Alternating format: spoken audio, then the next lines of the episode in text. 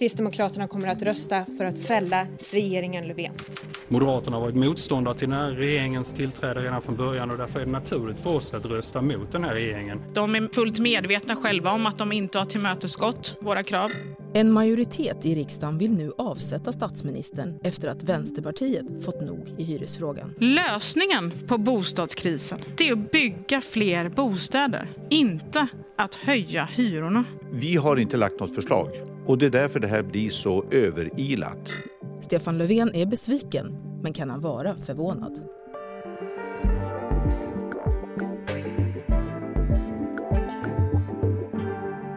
På en kvart får du reda på varför en fråga som berör 25 000 lägenheter varje år kan fälla Löfvens regering på måndag.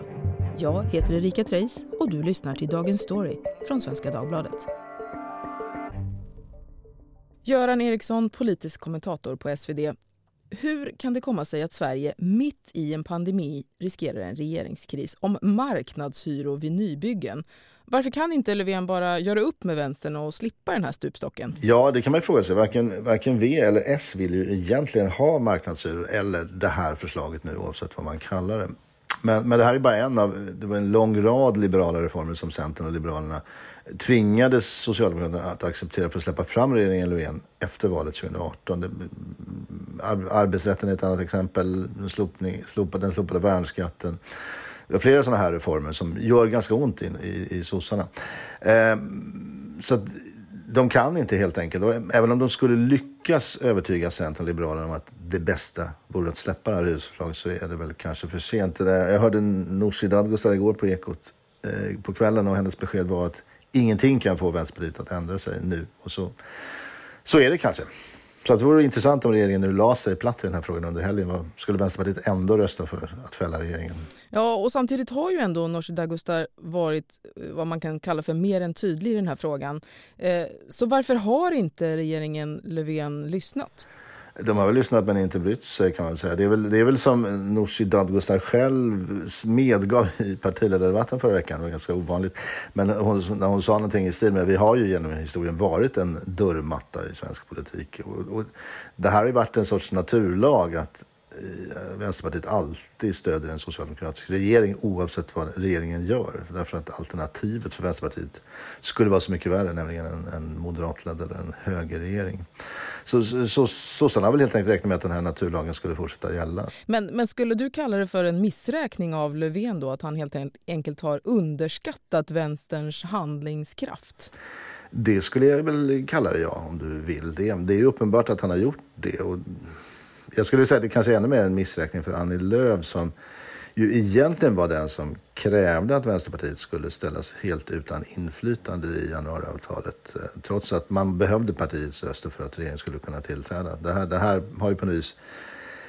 Det som hände igår har ju visat att den, den kalkylen funkade inte. Det gick inte att isolera ett ytterkantsparti, som Annie Lööf brukar säga. Nej. Eh, men från regeringshåll så har man ju också i någon mån försökt att försvara sig med att det inte var ett färdigt förslag utan bara ett utkast från utredaren. Hur väl skulle du säga att det försvarsargumentet fungerar? Håller det liksom?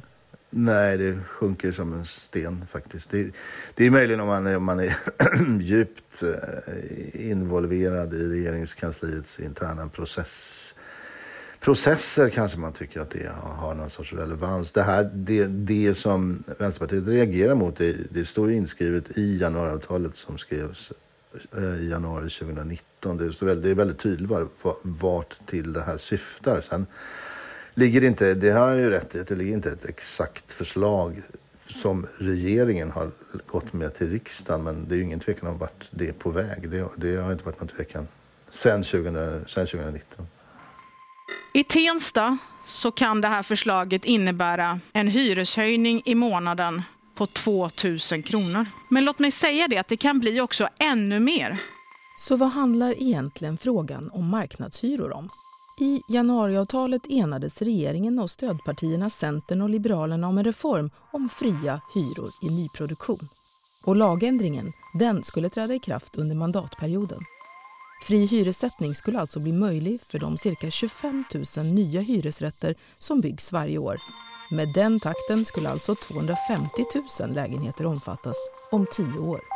Idag har vi totalt 1,4 miljoner hyresrätter i landet och de påverkas alltså inte. Vi är oroliga för att det här är första steget på ett systemskifte i bostadspolitiken. Man börjar med de nyproducerade och sen tar man klivet vidare in i befintligt bestånd. När samma förslag genomfördes i Finland så tog det knappt fyra år och sen var marknadshyror en realitet för alla hyresgäster. Varför driver vänstern just den här frågan så långt? Ett svar är väl att faktiskt ideologi, att Vänsterpartiet anser nog att det här slår sönder den svenska, eller på sikt i alla fall slår sönder den svenska modellen för hyresförhandlingar. Det, det är väl en sak. Och sen är det väl, det är klart om man kan få, om man kan få, det är, jag vet, Vänsterpartiet säger själv att det är tre miljoner hyresgäster i Sverige. Så klart kan man få dem att dela den uppfattningen så är det klart, då, är, då är det också, skulle det kunna vara en valvinnande fråga.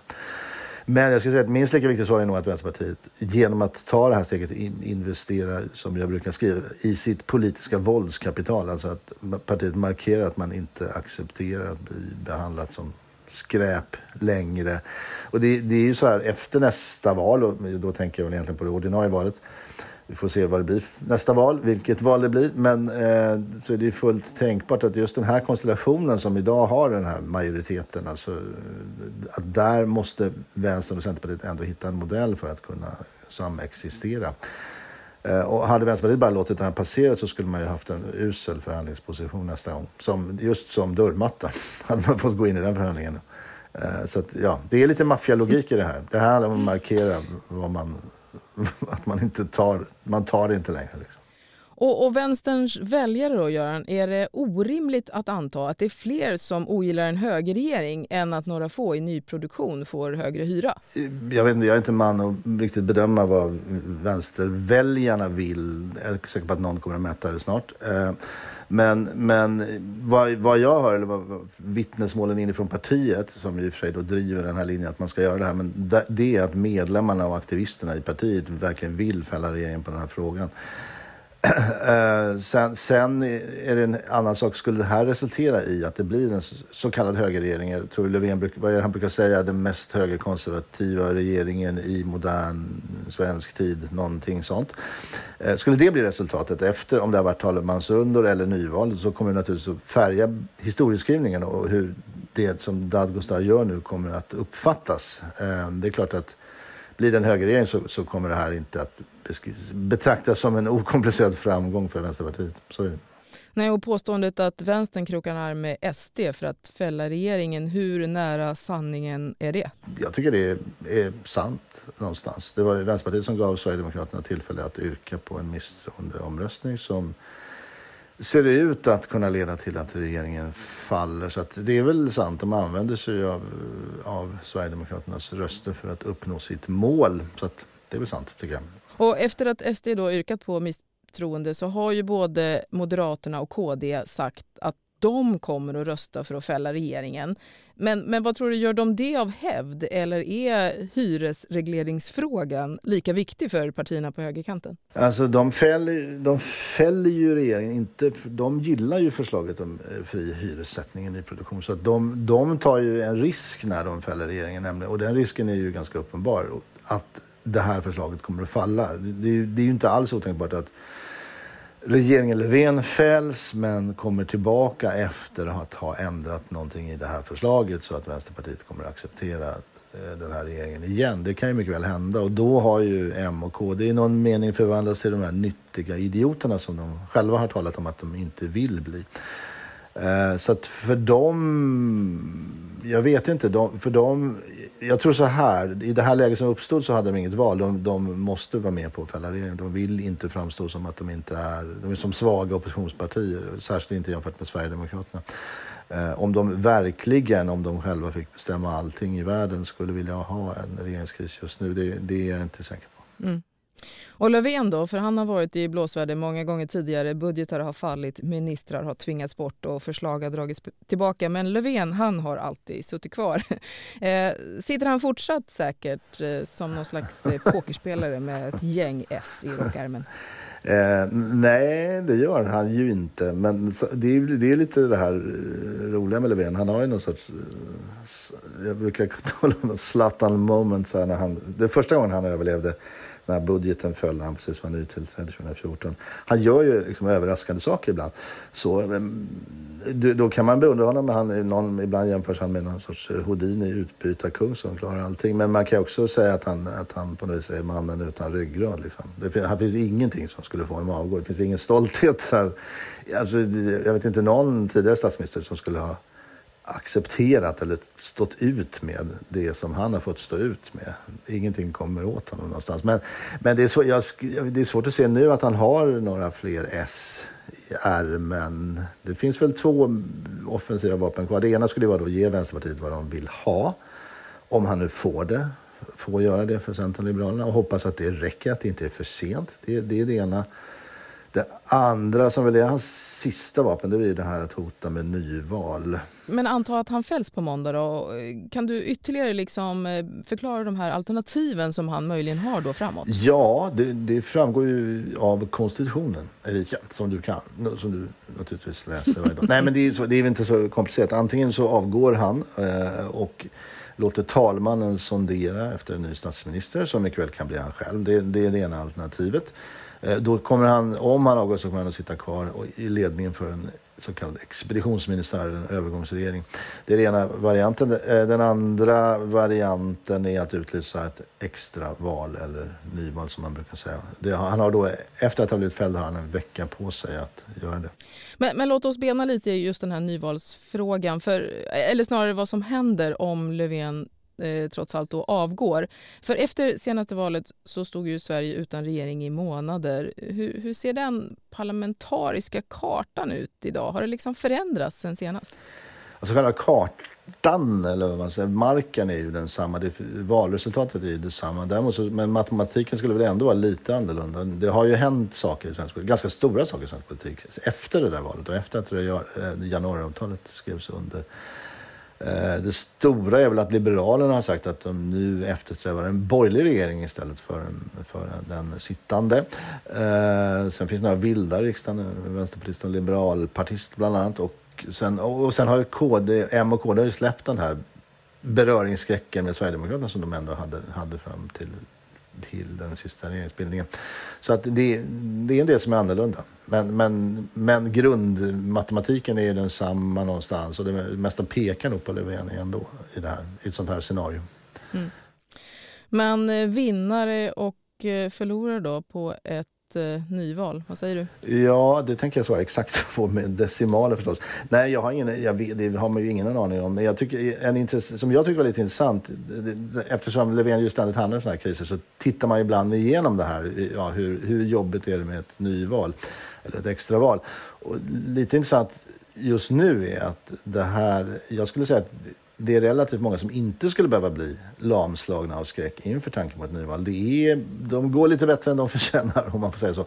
En del av dem. Sossarna och Moderaterna har ju gjort någon sorts comeback här under pandemin. Eh, får riktigt hyggligt stöd.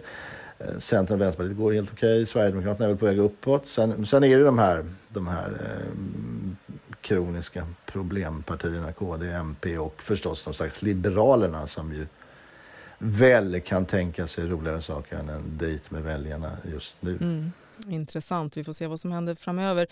Eh, men sista frågan då, i, i detta nu. Vilka talar med vilka och vem sover mest illa i helgen? Ja, jag vet inte vem som pratar med vem faktiskt. Det, det ska jag inte låtsas att jag har hunnit ta reda på ännu. Men, men vem sover sämst? Um, Ja, ska jag tvinga ur mig ett svar så är det väl kanske ändå Nooshi Dadgostar. Hon har ju gjort någonting så rätt få trodde att hon skulle våga. Och någonting som kan komma att beskrivas som en succé men som också ja, innehåller uppenbara risker för partiet. Tack Göran Eriksson. Tack så mycket.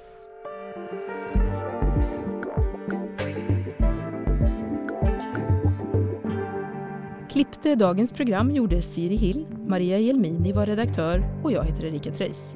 Ljuden i programmet hämtades från SVT och Sveriges Radio. Du har lyssnat på Dagens Story från Svenska Dagbladet. Vill du kontakta oss så mejla till dagensstory.svd.se.